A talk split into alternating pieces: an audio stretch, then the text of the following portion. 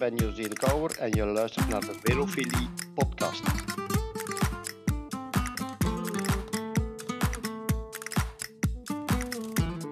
Ik ben Peter Winnen en je luistert naar de Velofilie podcast.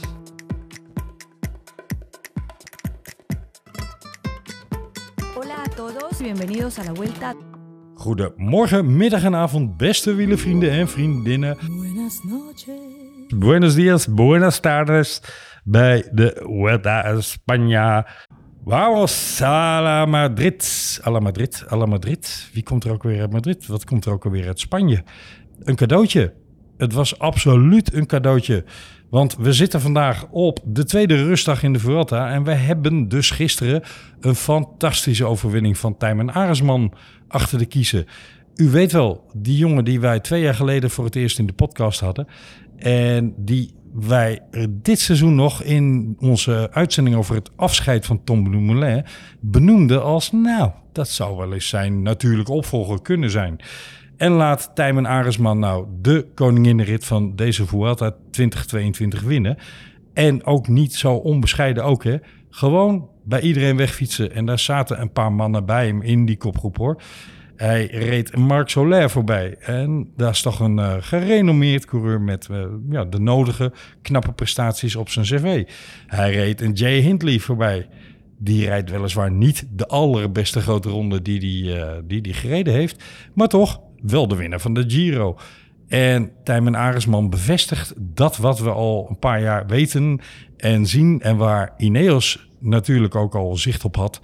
Namelijk dat dit wel eens een hele grote kan gaan worden. Of leggen we er nu Remco-Siaanse druk op? Wat vinden jullie, Jorn, Wesley?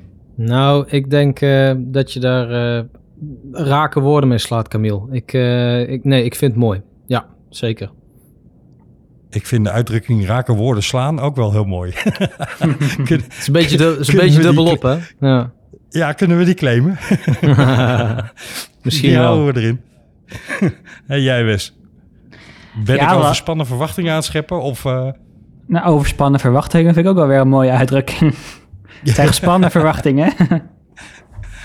Nee, je Uh, kan ook overspannen verwachtingen hebben. Oké. dat? Nou, tot zover eh, les eh, Nederlands van de velofilie. Ja, precies. Het, blok, eh, het blokje Eh, taalkundig ja. onderwijs. Die vertaal.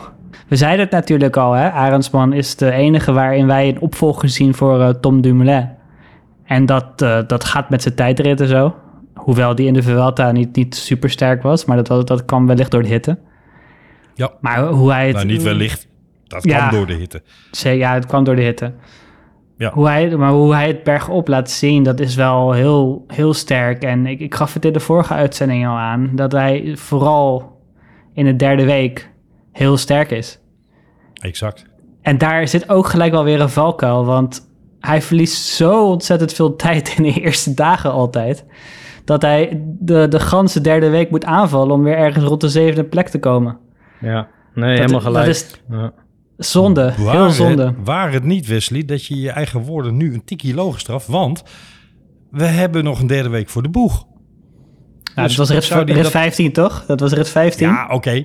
Oké, Ja. maar hij staat, hij staat inmiddels al in de top 10. Hè, en we gaan de derde week in. En hij heeft al een grote ritoverwinning te pakken. En draait, vind ik, de laatste zeker vier, vijf bergetappes goed mee. Verliest hier en daar wel een beetje. Maar ja, wie verliest er eigenlijk niet een beetje?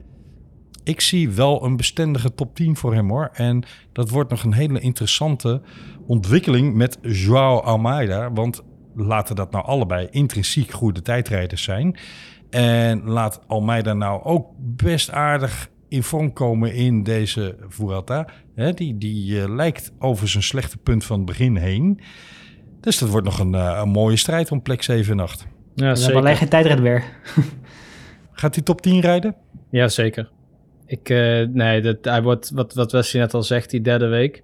Dat is doorgaans eh, een goede week voor Arendsman. En ook als je hem bezig zag op die Sierra Nevada afgelopen zondag. Ja, hij, hij, zegt, hij zei het zelf ook al eh, bij het flash interview. Van ik heb mezelf alleen maar verteld, ik moet boven die 400 watt blijven trappen. Ik moet boven die 400 watt blijven trappen. Nou, je zag wat het verschil werd, hè? Dat toen die Soler eenmaal voorbij vloog en eh, die probeerde nog heel even aan te pikken.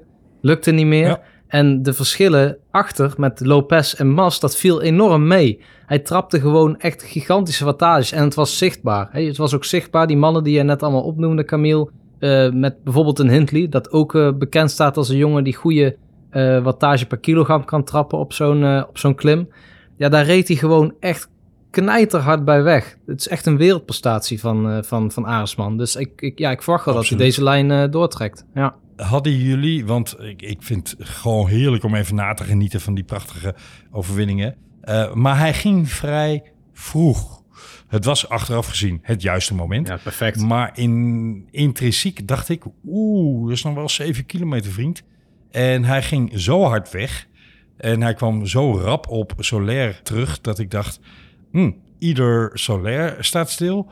Of eh Aresman heeft eh, een, eh, die is even in het eh, vat met eh, wonderdrank gevallen, eh, zoals Obelix vroeger. Want ja, dat, dat ging met rappe schreden. Je zag Ja. van, op een gegeven moment een fantastisch camerashot... waarbij ja, Solaire als het ware aan het zigzaggen was... en Aresman gewoon op het buitenblad, hè, nee, dat bedoel op ik. het Dat, buitenblad naar hem toe aan het rijden was. nee, dat bedoel ik, Jongens. Camille. Het ging echt ontzettend rap. Hij klom er echt heel rap naartoe. En het is wat dat betreft ook gewoon ehm, niet het, dat de anderen slecht waren, maar Aresman was echt enorm goed. En dat, eh, dat moeten we vooral als Nederlandse wielerfans enorm koesteren. Want ja, zo'n jongen die, die zo'n etappe kan winnen, ja, die is toch wel, zonder even die druk erop te leggen, die is toch wel een mooie toekomst voorspeld, jongens. Dus eh, ja, ik kijk er naar uit om Aresman ook eh en weet je wat nou het, het mooie was, Jorn en Wesley? Hij zei zelf dat hij eigenlijk helemaal niet zo goed was. Ja, maar Dat, vond ik het grappig. Dat is onzin.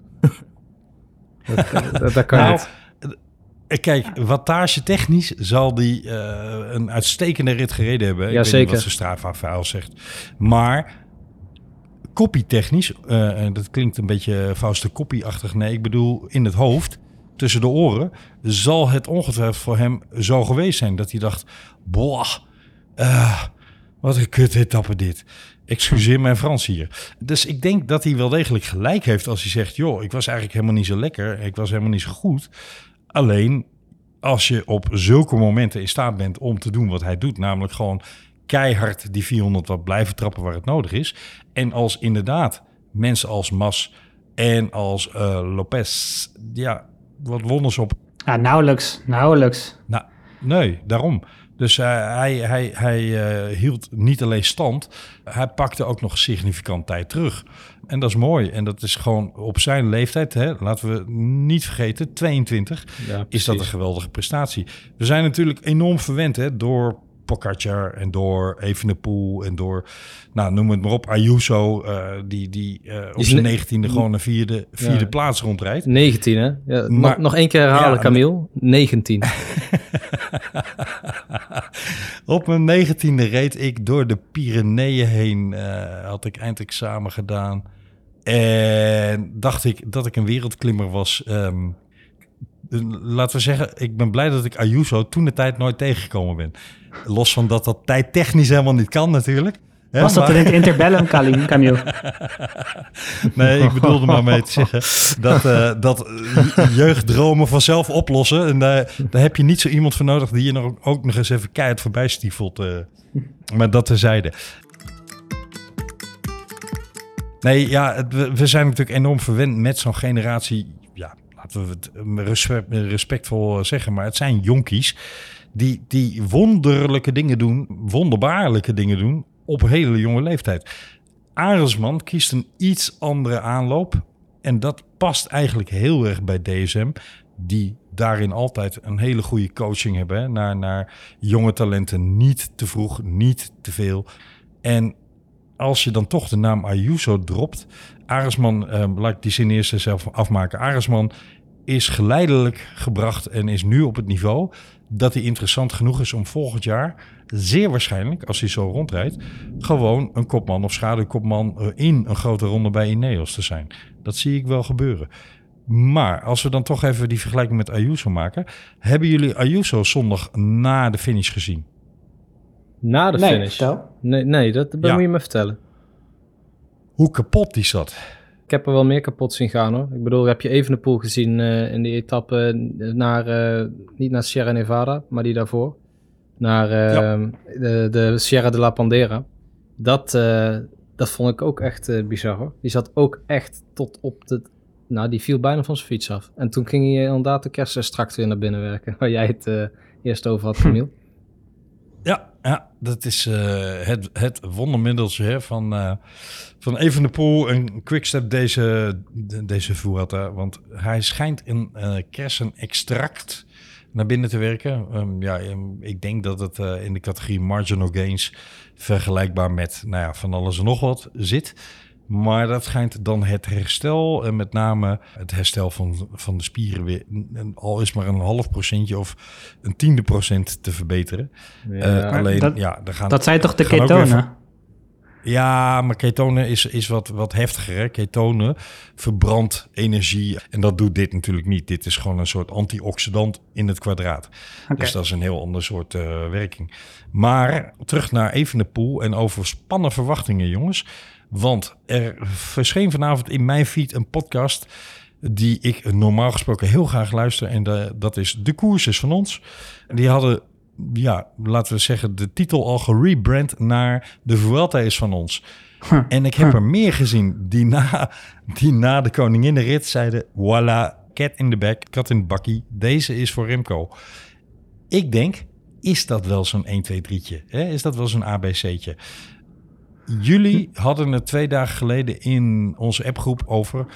Oei, doet dit aan Yates denken? En als ik het heb over twee dagen geleden, dan bedoel ik drie dagen geleden... want dat was de eerste etappe waarin Evenepoel wat tijd verloor.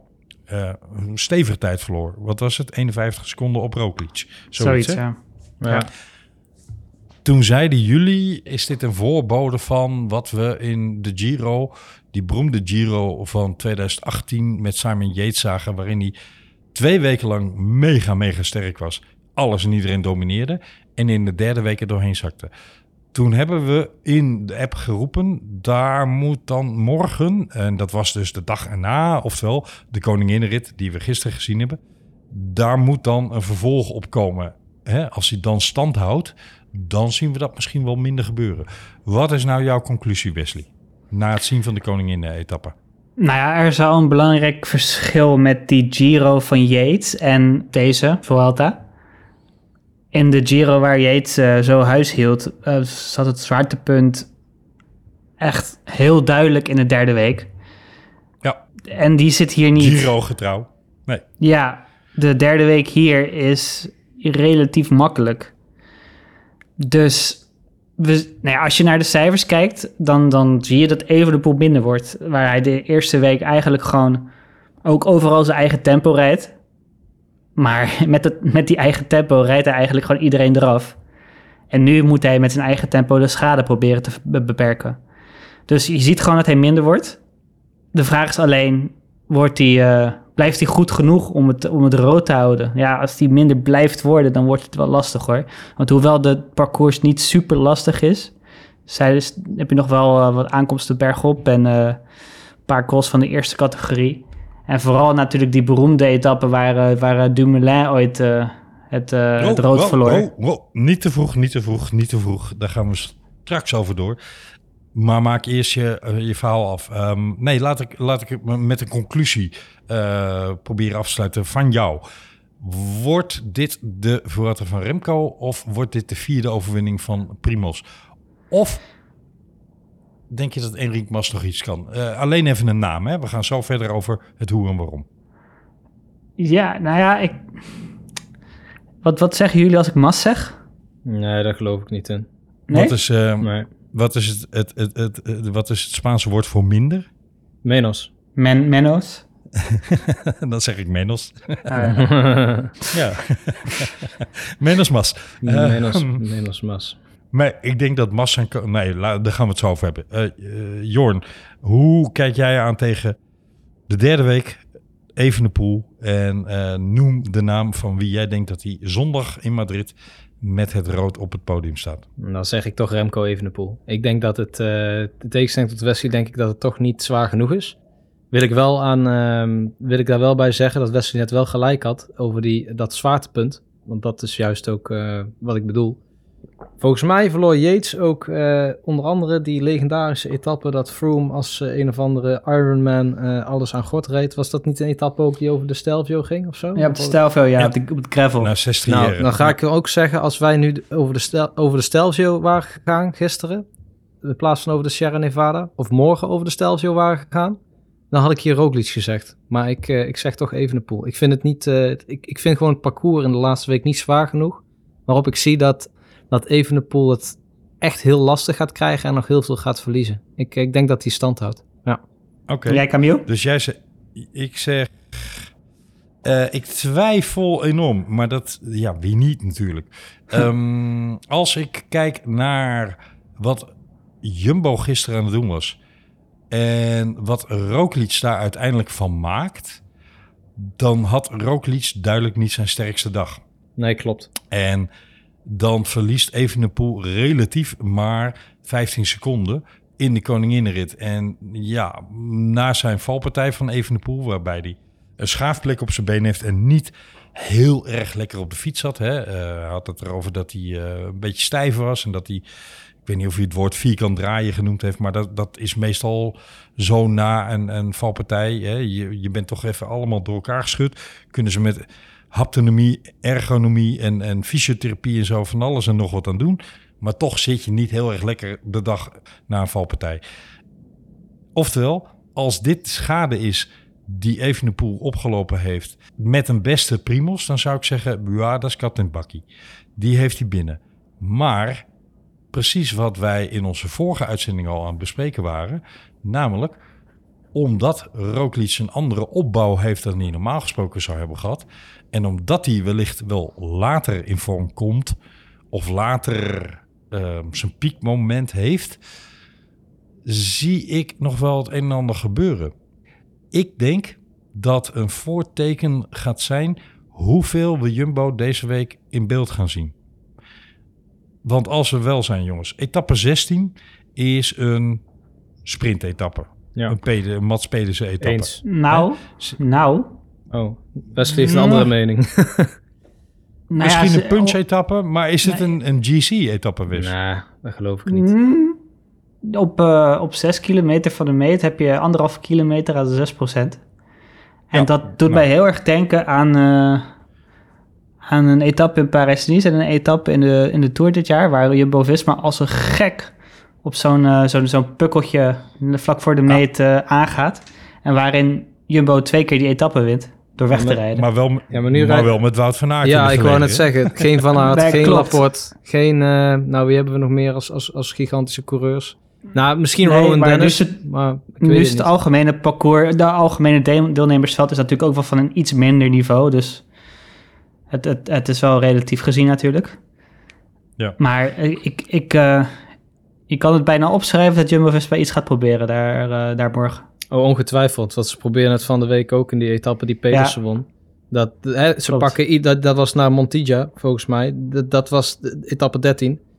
Volgens, toen probeerden ze het ook. Dus ze zullen, wat jij terecht zegt, ze zullen alles uit de kast halen. Dus ook eh de etappe 16. Maar ik denk dat Evenepoel daar gewoon nog wel zal kunnen volgen. En ik denk ook dat Pedersen dat ook gaat kunnen volgen. Dus dan zal het ook weer een kwestie worden van... joh, dan moet het echt stijl genoeg zijn. En dan moet de bonies worden gepakt, noem maar op. Het, is allemaal, het klopt allemaal wat je zegt. Alleen ik denk toch dat het niet zwaar genoeg gaat zijn. En Jumbo ook niet sterk genoeg is om dat uit te halen.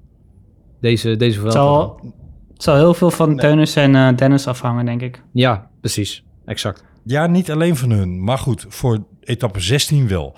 Ja. Etappe 17 ja, is weer zo'n gegarandeerde Vuelta vluchtersetappe. Ik word er knijtergek van. Want van alle COVID-gevallen, waardoor ongeveer een, ja, een, een ruime eh, meerderheid van mijn reservemannen, de niet-GC-mannen die ik in mijn Vuelta-poeltje heb op eh Scorito, die zijn allemaal weg. Dus ik heb eigenlijk buiten de negen man die je opstelt, nog eh, twee of drie sprinters en één mannetje wat eventueel in een etappe wel of niet iets zou kunnen doen. En ja, als er dan zo'n groep van 30 man wegrijdt en mijn ene mannetje zit er niet bij, ja, dan houdt het natuurlijk snel op. Etappe 17 is zo'n etappe waarin ik me weer kapot ga ergeren. Etappe 18, jongens, wordt een ietsjes ander verhaal. Ja. We hebben, we hebben twee serieuze klimmen op het eind. Dan ja, gaan we naar eh 1270 meter. En, en ja, hm, is dat nou iets wat qua percentages van de klimmen Remco Evenepoel in probleem kan brengen? Nee, ik denk het niet. Nee, ik ook niet. Etappe 18. Etappe 18 is er eventueel wederom eentje voor ja, de ontsnappers. Etappe 19 is eh, een beetje een variant op wat we eerder in deze Vuelta al een keer gezien hebben. We doen een soort circuitje met twee keer dezelfde klim erin. En dat is heel leuk. Het kan heel leuk zijn, maar het is een klim van 4% gemiddeld. En ja, daar, daar, daar doe je het gewoon niet op. Dus ook die kunnen we gevoeglijk afschrijven voor een etappe waarin je Remco Evenepoel helemaal overhoop kan rijden. Nou, Er, zullen ongetwijfeld er zullen ongetwijfeld pogingen gedaan worden. Hè? Ja. Maar zien jullie, zien jullie het anders dan dat etappe 20 een do or die moet zijn voor... Ja. Onder andere Nee, Roglic. nee, ik volg jouw argumentatie helemaal. Maar daarom zei ik net al dat hij dat Evenepoel het gaat halen. Ik zie het dus niet in die twee etappes van net gebeuren. En dan moet het in etappe 20 gebeuren. Nou, het verschil is, hoe groot jongens? Help me even, 1,41 of zo? 1,31. 1,31. 1,31. Ja, dus eh, anderhalve minuut. Gaat hij hier? Ja, dan moet het echt, een, wat jij zegt, do or die. Dan is het echt alles of niets. Dan moet het hier gebeuren. En dan zou het hier ook kunnen gebeuren. Maar hè, het is gewoon veel klimmen, veel hoogtemeters. Eindigen op 1851 meter. Dat is redelijk hoog. Het is niet het allerhoogste, maar het is redelijk hoog. Dus het zou kunnen. Het zou kunnen, maar dan moet er wel anderhalf minuut goed worden gemaakt. Daar wil ik er gelijk bij zeggen. Dus als we dan allemaal gaan wachten op de slotklim, heb ik er weer een hard hoofd in. Da- Daarom denk ik dat Evenepoel het gaat halen. Dus ehm,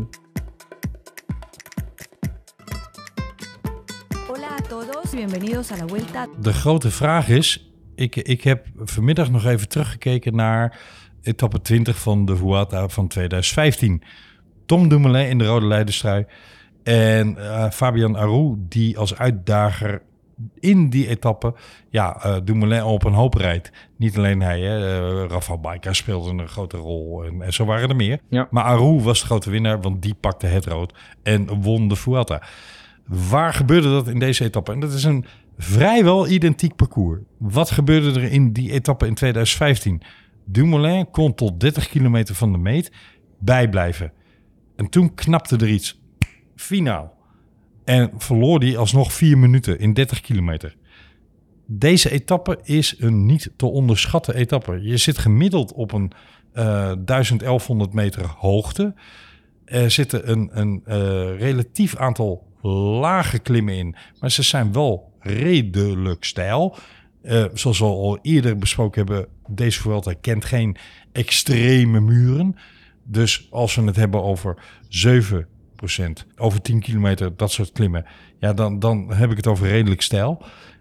Maar het, zijn, het, het is het totale profiel van de etappe waarin een Jumbo-Visma met Chris Harper, met Sam Omen, met Primoz Roglic, met Geesik. uiteraard Geesink, ja, de boel op stelte zou kunnen zetten. ja, dan gaan ze ook Is, wel is, proberen. is, is deze Jumbo-ploeg nog sterk genoeg om dat te kunnen doen? En dan En- denk ik in een scenario, Geesink vooruit. Of nou ja, Geesink moet je juist niet vooruit sturen. Harper en Omen vooruit, zoals ze dat eerder deze week ook al probeerden. Mhm. Ehm, en, en, en dan Geesink tempo laten draaien en dan vooral Harper daarna laten overnemen. Kunnen ze daarmee Remco Evenepoel uit het wiel rijden op een profiel van etappe 20? Wat denken jullie? Nou, ik denk dat het team van Jumbo-Visma wel sterker wordt. Je ziet dat Dennis verbetert. Je ziet dat Geesink, vooral Geesink, verbetert. En ook Harper Mhm. verbetert ook. Alleen, ze zijn om en nabij even sterk als Quickstep. Je ziet dat Van Wilder is ongeveer even sterk als Harper. Ja, die moest wel vroeg lossen gisteren. ja, Ja, gisteren wel, ja. ik, ik vind ze Maar de wel dag minder was worden. die, was die heel... Ja, klopt. De Jumbo wordt iets sterker, dus het, gaat... Het dobbeltje valt een beetje de kant op van, eh, van eh, Jumbo. Ja. Maar het, het zal echt... eh, ja, het is lastig hoor. Want het- zoals je zegt, de klimmen zijn niet super zwaar. Dus ze, moet, ze hebben vier klimmers. Dus ze moeten er twee voor, van voor hebben rijden en twee om tempo te maken. Ja, dat is, dat is weinig hoor. Ja, ze en missen Quickstep- echt koers heel erg. Ja, en Quickstep gaat dat natuurlijk ook doen. Hè? Die gaan ook gewoon vervaken. De Hun beste man eigenlijk, eh, samen met Van Wilder. Die gaan zij ook vooruit sturen. Hè? Van Vaken en Masnada, die, die gaan waarschijnlijk ook vooruit willen zitten. Of tenminste, Quickstep wil dat. En ik vind wel dat Rowan Dennis en Harper en of Ome, die kun je dan vooruit sturen als, als Jumbo-Visma zijn. Gees ik niet, dat zei Camille net terecht. Die zou je er altijd bij willen houden. Ja. Maar ja, het, het trucje kan worden uitgehaald, maar het kan door Quickstep... Ik denk dat Quickstep dan wel sterk genoeg is om dat onschadelijk te maken. Terwijl als je hier met een koers had gezeten, dan niet. Want die had nog echt nog veel verder daarvoor uiteindelijk later in de etappe kunnen rijden. En dan had Roglic daar meer aan gehad. Aan de andere kant, dat wil ik dan wel even... Want ik- als ik aan Dennis denk, dan denk ik aan de, aan de Gegenhard Giro. Hè? Dus dat, het dan, dat je dan bij elkaar komt in een vallei. Nou, eh, dat hoeven we als Nederlanders met eh Wilco Kelderman het achterhoofd niet, eh, niet te gaan herhalen. maar die, die beklimming daarvoor, hè, laat ik dan toch even goed naar die etappe kijken. Naar Puerto de Navacarrara. Daar Die, die, die, die, die etappe waar we het nu over hebben. De, de Aru-etappe, laat ik het dan zo zeggen. Dan is daarvoor, de voorlaatste klim, die Puerto eh, de la Morcuera.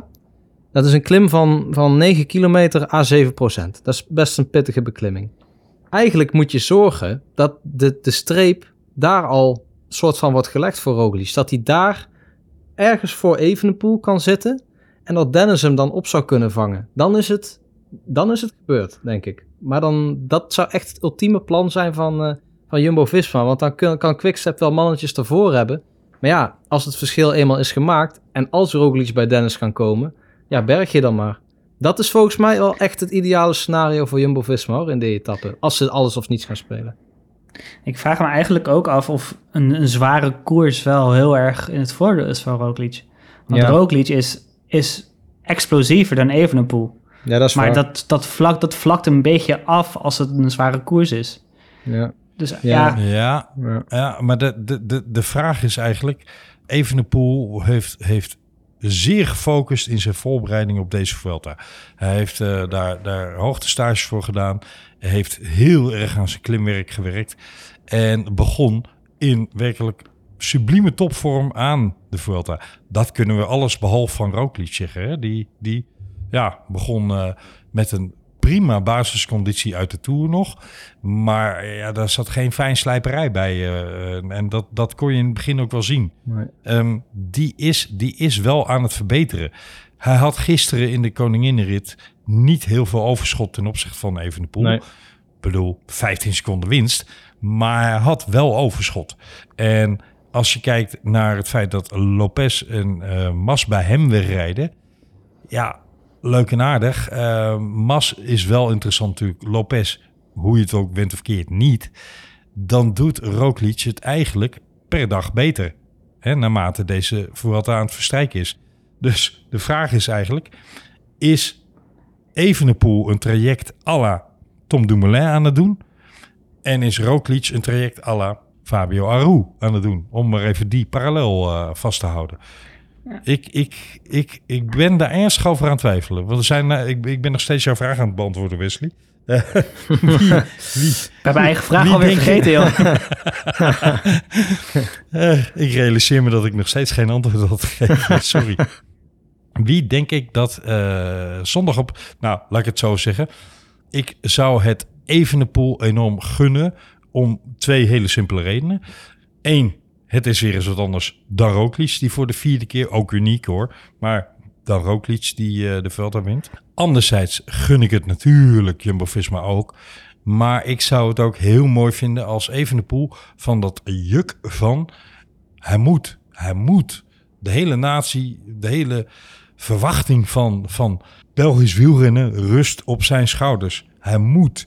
En ah, ja, als hij hem dan heeft, dan, zoals Max Verstappen het uitdrukte nadat hij wereldkampioen werd in de Formule 1, eh, nu hoeft niks meer en de rest is allemaal een cadeautje. Ik denk dat dat heel erg goed voor zijn carrière zou zijn. Goed ook voor de verwachtingspatronen die om hem heersen. Eh, die zullen niet minder worden, maar het zal hem misschien meer maling eh, zijn wat er ja, de jaren daarna gebeurt, of het wel of niet lukt. Want hij heeft het dan immers al één in, eh, in de pocket. Dus ja, er zijn meerdere redenen waarom ik zou vinden dat het een goede winnaar zou zijn als Evenepoel wint. En zoals hij tot nu toe gereden heeft, zou dat ook zeer en zeer verdiend zijn. Alleen, ik weet het niet zeker. Nee, en we gaan eigenlijk een beetje... Ik, ik ben het trouwens wel met je eens hoor. Ik begin het hem ook wel te gunnen. Ik vind hem eigenlijk een stuk eh, sympathieker geworden. Hij is, hij is iets nederiger, iets minder arrogant. Maar we vergeten met z'n allen echt wel een beetje eh Enric Mas hoor. Want die is eh, eigenlijk al heel de Vuelta heel goed. En nu nog steeds, terwijl even de pool minder wordt.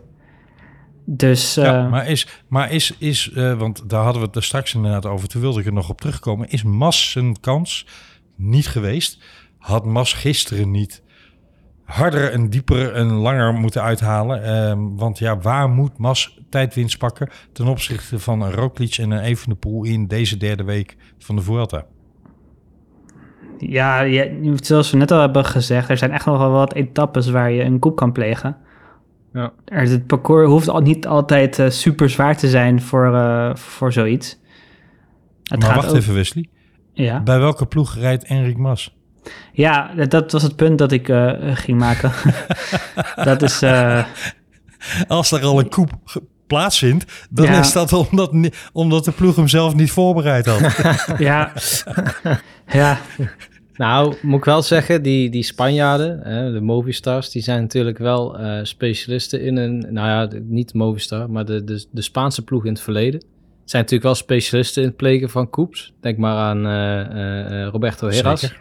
Maar het woord koep is Ja. inmiddels gevallen. Dus als je het niet erg vindt, wil ik heel graag een eh, artikel vandaag op Sportza eh, refereren.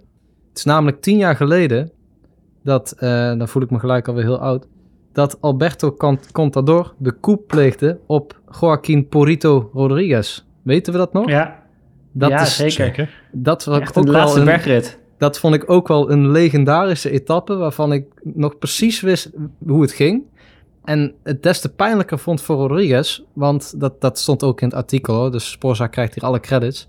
Porito had namelijk de Giro verloren in de laatste tijdrit van Ryder Hesjedal. Wat natuurlijk ook al bizar is dat Ryder Hesjedal ooit de Giro heeft gewonnen. En Mhm. Ehm, in die etappe, in de, in de Vuelta, dat eh, Rodriguez dus de rode trui verloor aan Contador, eh, zat ene Alejandro Walla Valverde te lachen in zijn wiel. Nou, het- om het feit dat Porito daar de Giro of de Vuelta aan het verliezen was, Contador aan het wegrijden was en hij dacht zo. Nou ga ik op de laatste beklimming alsnog vandoor. Reed nog bijna helemaal naar Contador toe om de etappe te winnen. En uiteindelijk wint Contador dus die Vuelta. En dit was allemaal nog voorafgaand aan het WK.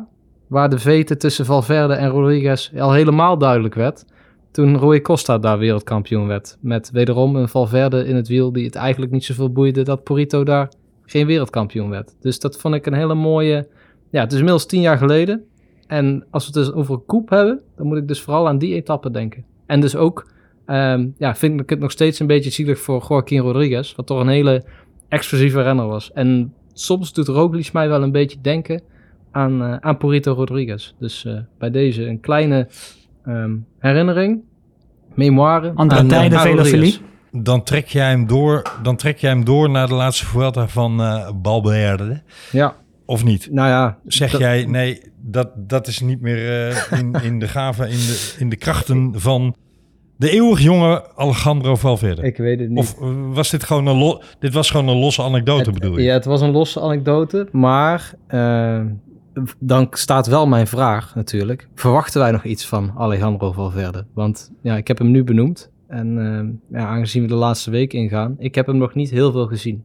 Dus ik weet niet wat jullie van Alejandro Valverde vinden, maar het, eh, het valt een beetje tegen, ik heel eerlijk ben. Hij staat ergens 15, 16, 17 in het klassement. 16 op 17 minuten.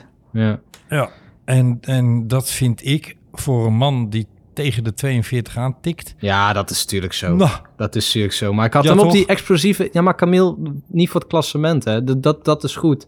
Maar ik had hem in die explosievere etappes gewoon nog... Had ik gehoopt, laat ik het dan zo zeggen... Dat hij toch nog een beetje aan die zegen kon ruiken. En dat heb ik niet gezien. En dat is wel... eh, ja, dat is jammer. Dat, dat had ik... Dus mijn, ik hoop, mijn hoop is in die laatste week... Om hem dan bijvoorbeeld in die etappe die wij net aan, aan Mats Pedersen hadden toegedicht... Dat we daar dan bijvoorbeeld Valverde zien. Dat zou toch mooi zijn. Of dat hij misschien in de vlucht meegaat in een van die andere etappes. Ik hoop dat gewoon. we hebben duidelijk een andere smaak als het over mooi gaat, Jorn. Ik eh, ben in staat om eh, geld neer te tikken op de balie van eh, KLM om naar Madrid te vliegen. Om daar gewoon in zijn gezicht, bye bye, bye bye, bye, bye. Oh nee, bye, eh, lijkt op gaan. Ja, ga maar, ga maar, Alejandro eh, te zeggen. Het enige waar ik me nou zorgen over maak ten aanzien van het afscheid van Alejandro Valverde... en het zal voor de luisteraars geen geheim zijn geweest... die de afgelopen jaren geluisterd hebben... dat ik niet zo'n fan ben. Het enige waar ik me zorgen over maak... is dat er geen columns van Thijs Sonneveld meer over Alejandro zullen verschijnen. Want die zijn, altijd, die zijn altijd hilarisch. Dat is het enige waar ik me zorgen over maak. Voor de rest, toedeledokie. Mooi, tijd voor een nieuwe generatie en tijd voor een ander soort van wielrennen. En daar hebben we met Henry Mas wel een even knie in. En ik zou het ontzettend mooi vinden als hij podium rijdt. Ik mm, acht het eerlijk gezegd vrijwel onmogelijk voor hem om iets anders nog te doen dan... Ja, tenzij Roglic eh, gewoon echt in elkaar stort. Want Roglic gaat dan alles of niets doen. Ergens in deze week. Dat kun je 100% eh, eh, optekenen. Die gaat leuk die UCI-punten. En leuk dat hij zijn ranking daarmee vasthoudt. Want dat is allemaal leuk. Maar daar, volgens mij doet hij daar niet voor. Hij rijdt voor die vierde overwinning. Klaar, punt. En die gaat all in, zouden we in pokertermen zeggen.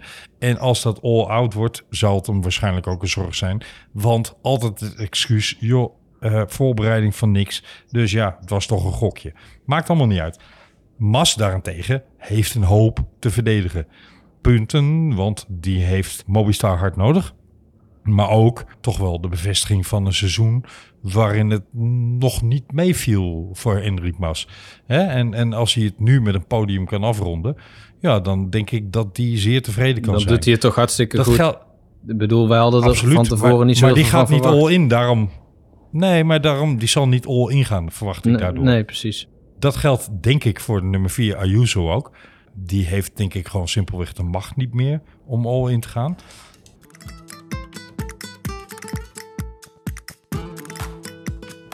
Dan blijft over de vraag aan jullie.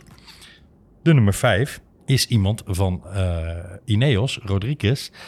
En heeft die ploeg nog iets in overschot om een koepachtige situatie te kunnen doen? Om, hebben- al is het maar po- podium te gaan halen voor Rodriguez? Die hebben wel het beste team. Maar ik denk niet dat Rodriguez eh, goed genoeg is. Om echt eh, die, die voorsprong dan te, te, te bemachtigen en eh, te behouden. Ik, eh, voor die koep kijk ik eigenlijk meer naar eh Miguel Angel Lopez. Want die was de Die laatste... steeds beter wordt, hè? Ja, ja, die is echt Heel weer eh, terug op zijn terug op zijn topniveau. Ja. En Astana heeft ook stiekem best een aardig team met De La Cruz en Nibali nog erbij. Die ook, Nibali natuurlijk in de laatste week, als we het hebben over renners die sterker worden. Ja, maar als je het heb- hebt over renners die onzichtbaar zijn deze Giro. Eh, Ja, hij zat mee, hè? Hij zat mee gisteren. Lutsenko vind ik sterker rijden, eerlijk gezegd, eh, de afgelopen dagen. Die je Maar goed, los, Ja. los daarvan. Denk jij dat, eh, ja, Lopez staat zo'n karrevracht aan minuten achter. Vijf. Dat is Even, toch- evenveel als dat- Rodriguez bijna. Ja, oké, daar ben ik met je eens. Eh, dus dan heb je het over podium, hè? Want ik dacht even dat je het over overwinning had. Ja, nou ja, het verschil tussen podium en nummer 1 is uiteindelijk eh, twee minuten. Dus dat is ook weer geen wereld van verschil. Kijk, wat, wat, wat je heel erg hebt in deze Vuelta is, is dat Quickstep is aardig. Maar ze hebben geen team waarmee ze een hele etappe die op en af gaat kunnen controleren. Zeker niet. Kunnen ze niet. Nee. Dus nou, ze gaan direct reageren als Roglic gaat. En ik geloof ook nog wel dat ze direct reageren als Mas gaat. Maar als een Lopez of een Almeida een Rodriguez of misschien wel een Arendsman straks ook weer meezitten in de vroege vlucht, gaan ze die dan gelijk controleren? Dat Ja, vraag ik mij heel erg af. Dit vind ik een hele goeie. Nee, Dit vind ik echt een hele goeie. dat kunnen ze helemaal niet. Nee, precies. Ze hebben Nee, daar nog, nog, nog de firepower, nog ja, de manschappen meer voor. Exact. Ik wil hem eigenlijk terugkoppelen, Wesley. Wat we vaak in de grote ronde zien, is dat we in die laatste week bevestiging van plekken in de top 10 zien. Hè, ploegen gaan rijden voor plek 7, 8, 9, 5, 6. En dan daarmee krijg je dat mensen die wel een poging doen, ineens door andere ploegen dan die van de leiderstrui worden ja, teruggehaald. In dit geval is er een belang voor Jumbo-Visma om tegen Quick- Quickstep in te rijden. En is daar eigenlijk geen, zeg maar, natuurlijke vijand. De ploeg van, van, van Mas, hè, Mobistar, is niet in staat collectief om ja, daar een soort vuist tegenin te brengen, in mijn optiek. Maar wat je wel gaat zien, is dat de ploeg van Rodriguez, Ineos, maar ook Ayuso en eventueel ook eh, Almeida, hè, die, die, die op plek 7 staat, die kunnen nog wel eens tegen elkaar gaan rijden. En dan zou je een soort van, ja, contraproductief rijden van verschillende ploegen krijgen voor Jumbo-Visma. Oftewel, moet Evenepoel en moet Quickstep wel overal op reageren. Waarschijnlijk kunnen ze heel veel werk overlaten aan anderen. Ja, ik geloof dat Of, niet. Ik, geloof niet. dat Nee? niet. Want, Nee. want ik, UAE, het en, gebeurt toch altijd? UAE en Ineos zijn twee van de drie grootste teams in de wereld. Die Mhm. al Tour de France en eh, nou ja, alle grote rondes hebben gewonnen. In, eh, in het geval van Ineos. Die gaan, die gaan echt niet rijden voor vierde, vijfde of zevende of vierde plek. Gaan ze die doen? Echt niet. Ik vind, Wesley's argument staat ook. Daarnaast, kijk, ik snap wel, ik snap jouw redenatie, Camille. Want ik, ik, ik heb dit ook al heel vaak gezien, dat dan in zo'n derde week in één keer allemaal ploegen achter elkaar rijden die op de tweede, derde rij reden, weet je wel, in zo'n zo'n zo'n zo'n laatste klim. Maar Ja. wat, ik, ik zie het wel voor me hoor, als bijvoorbeeld, want die verschillen zijn legitiem, de, de vorm verbetert bij Arendsman, Almeida en Lopez. Waarom zouden die drie niet gewoon inderdaad eh, heel vroeg in de aanval gaan? En dan maar eens kijken wat er achteraan komt rijden. Weet je?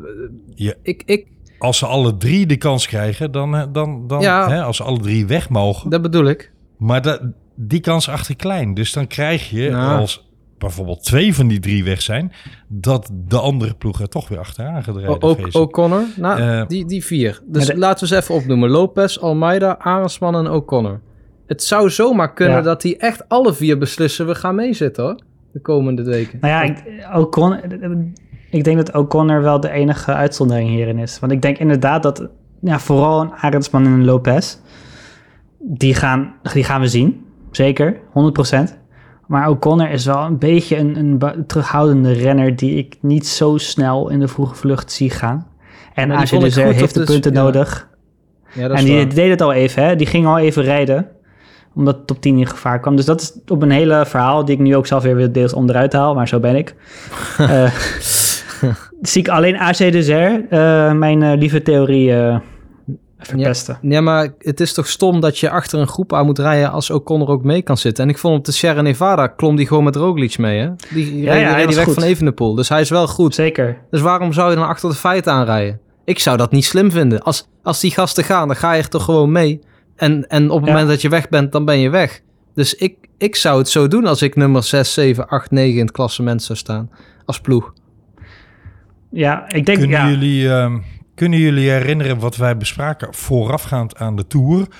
En dat we refereerden aan wat voor scenario moet Jumbo-Visma gaan toepassen om ehm Pogacar Agor te kunnen rijden. En we refereerden daarbij aan de Ronde van het Baskeland. Chaos hebben we het genoemd. Deze etappe, deze etappe leent zich bij uitstek voor chaos. Waarom? Het profiel is te zwaar om, om eh, Quickstep alle controle te laten doen. Daar hebben ze de ploeg niet meer voor. Nee. Andere ploegen, andere ploegen gaan dieper in de etappe voor een eigen podium of een eigen top 5 rijden. Ehm, in het begin van de etappe zijn de belangen nog, eh, nou die liggen te grijpen. Laten we het maar zo noemen. Dus wat ik zou willen adviseren is dat Jumbo-Visma heel vroeg in de etappe al vol, vol de boel opengooit. Vol in de aanval gaat. En dan bedoel ik niet per se dat Roglic daar al probeert even de poel te lossen. Maar wel dat mm, de ploeg zorgt dat er geen controle over de, de etappe is. Dat er geen controle over het veld is. Want tenslotte is er maar één ploeg die die controle moet uitvoeren. Immers, of Roglic nou tweede, derde, vierde of vijfde wordt. Ik denk niet dat dat hem gaat worden voor, voor Jumbo of Roglic. Dus het is eerste of niets. Ehm, dus ja, wat zullen zij nou controleren? Laat ze chaos creëren in die etappe. Ik denk dat, we, dat ik al mijn eieren in het mandje leg op die gok. En daarom is mijn voorspelling, hoe minder we Jumbo de komende etappes gaan zien tot etappe 20, hoe meer ik zeker weet dat ze dat gaan doen. Nou, ik weet eigenlijk zeker dat ze, dat ze elke kans gaan grijpen die, eh, die er is tot de twintigste etappe ook. Je gaat, eh, je gaat ze elke dag zien, denk ik. Ja, dat denk ik ook. Al zou ik wel, eh, dan, en, maar, ja, maar dan denk ik nog steeds dat ze wel inderdaad die etappe 20 als grootste mogelijkheid zien. Ja, dus dan kies ik misschien Jawel, even een dus dat middenweg. Maar dan, dan, als het dan het niet lukt, speldenprikjes zijn. ja, maar precies. het is geen all-in. Nee, als, als precies. het dan niet lukt, dan gaan ze niet met de pakken neerzitten. Dat, dat, dat, dat, nee, dan gaan ze echt, eh, nou, dan gaan ze wel gewoon all in. En dan gaan we wel misschien ja. zien wat Camille net schetst. Dat, dat, dat zou Ja, ik inderdaad doen. Ze hoeven natuurlijk ook geen drie, vier minuten meer te pakken. hè. Als ze elke keer 20, 30 seconden pakken, dan zijn ze er ook. Dat is waar. Dus Ja, daarom kijk, denk, dat is- da- daarom Dat denk is- ik ook dat dus nog- dat die Dat is etappe nog van een morgen... alternatief scenario, Wesley. Er zijn natuurlijk nog wel wat bonies te verdienen de Ja. komende etappes. En Roglic is wel zo explosief dat hij iets met die bonies zou kunnen. Maar Ja. dat vergt weer controle van Jumbo-Visma over de koers. En ik denk dat ze die energie niet gaan inzetten. En dat ze die wel in etappe 20 gaan stoppen. Dus ik verwacht eerlijk gezegd niet dat Roglic controle vanuit de ploeg wil over eh, voor bonies. Maar ja, we gaan het allemaal zien. Jongens, maken we het nou eigenlijk veel spannender dan het is? Of wordt het gewoon nog een hele leuke slotweek? Nee, het wordt nog wel een leuke slotweek. Sowieso. En ik denk, ook, ik denk niet dat ze het spannender maken dan het is. Anderhalve minuut is gewoon speelbaar. En ehm, ik, la- laten we ook vooral hopen dat het spannend wordt. Want eh, ja, dat maakt het immers leuk. Ik had de vorige podcast over het feit dat als Evenepoel dan wint... dan moet het ook in een tweestrijd gebeuren. En die is nou meer en meer zich aan het vormen. Dus dat is ook gewoon... eh, dat maakt het voor die Vuelta ook gewoon veel mooier. En als Evenepoel dus uiteindelijk wint... ook nog een veel mooiere overwinning. Maar de, de- het, het is ook gewoon spannend, omdat het relatief dicht bij elkaar staat. Want ik vergelijk even de huidige standen met de, het eindklassement in de Tour de France. En daar staat de nummer 5 gewoon op een kwartier, 16 Ja. minuten bijna. Maar daar zat hier- in. Zeker. Ja, nee, precies. maar dat neemt niet weg dat het nu Heb je hem met zijn kranol? hey, ondertussen rijden ook de renners die het klassement maken aanvallend. Kijk naar Lopez, kijk naar Mas. Er wordt hier en daar een tikkie conservatief gereden. Maar er wordt wel degelijk ook aanvallend gereden. En dat, kijk naar een leuke renner als Jay Fine, die eh, vaak de koers maakt. En ja, zo zijn er meer namen die in deze Vuelta naar boven komen. Waardoor het een aantrekkelijk Vuelta is. Ondanks dat het een heel atypisch parcours is en blijft. En ik hoop toch... Het is een leuke Vuelta, maar ik hoop toch... want dit is echt wel op het lijf geschreven van een type als Remco Evenepoel... dat we volgend jaar gewoon weer die muurtjes van 20% terug gaan zien in Spanje.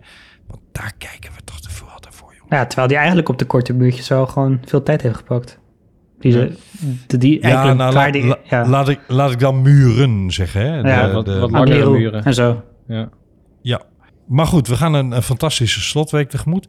Ik hoop Tijmen Aresman top 5. Dat wordt lastig. Gaat waarschijnlijk niet lukken. Maar- Ik hoop, ik, hoop, ik hoop dat hij 6 of 7 kan worden. Ehm, omdat hij nog verbetert. En ik denk, jongens, dat we eh, na afloop van de Vuelta een mooie podcast kunnen opnemen waarin we terugblikken op drie grote rondes dit jaar. En, en ja, wat is er allemaal in gebeurd? Welke ontwikkelingen hebben zich daarvoor gedaan? En wat moet richting volgend jaar welke ploeg anders doen? En misschien moeten we er ook nog eens wat, namen al eh, gasten voor in de podcast gaan uitnodigen. Komen we allemaal later wel op terug. Ik heb er zin in, jongens, die slotweek. Wij melden ons weer, beste luisteraars, na de afsluitende rit in Madrid. En dan weten we inmiddels wie er gewonnen heeft. Nou, daar sluit ik mij eh, helemaal bij aan, Camille. Ik, eh, ik hoop op een spetterend einde. Helaas niet bij een afsluiterend tijdrit. Maar dat we dadelijk in Madrid gewoon ja, de, de, de, de beste eh, renner van deze Vuelta hebben staan. En eh koep of niet, ik denk nog steeds dat dat Evenepoel gaat zijn. Nou ja, ik denk inderdaad dat we gewoon eh, zes potentiële koeps gaan krijgen. Maar dat de twee honden met het been vechten en de derde been gaat en dat is Enric Mas. Maar het wordt, het wordt spannend. Zin in. Enric, Ma Enric Mas stapt zaterdag af, eh, Wesley. Wist je dat niet? Oh, shit. dat, dat, is dat is traditie bij Mobistar. Ehm, wij sluiten af voordat de onzin nog groter wordt. Ik heb er in ieder geval zin in, jongens. En eh, ik hoop dat de luisteraars ook weer genoten hebben van deze podcast. Jullie hebben de afgelopen jaren veel geluisterd. Eh, zijn jullie dankbaar voor het luisteren. We bestaan inmiddels drie jaar. En ik had drie jaar geleden, toen ik voor het eerst een telefoontje in mijn hand nam om een kolompje wat ik opnam onder wielenvrienden. In plaats van eh, in WhatsApp te tikken, maar eens in audio te doen, zodat het wat makkelijker was. Niet kunnen bevroeden dat we drie jaar later gewoon een podcast over wielrennen maken eh, zijn die, die zeer gewaardeerd wordt. En waarin we onlangs weer een mooie mijlpaal bereikten door 100.000 aan te tikken. Wesley, Jorn, Jeroen. En eh, in het verleden alle gasten die we gehad hebben, maar vooral ook Don, met wie ik de podcast ooit begonnen ben. Ik ben jullie dankbaar en eh, ik weet zeker dat de luisteraars van jullie genieten en genoten hebben. En we gaan lekker door. Zeker. Alla prossima. Hasta luego. Vota. Ciao. Hola a todos bienvenidos a la vuelta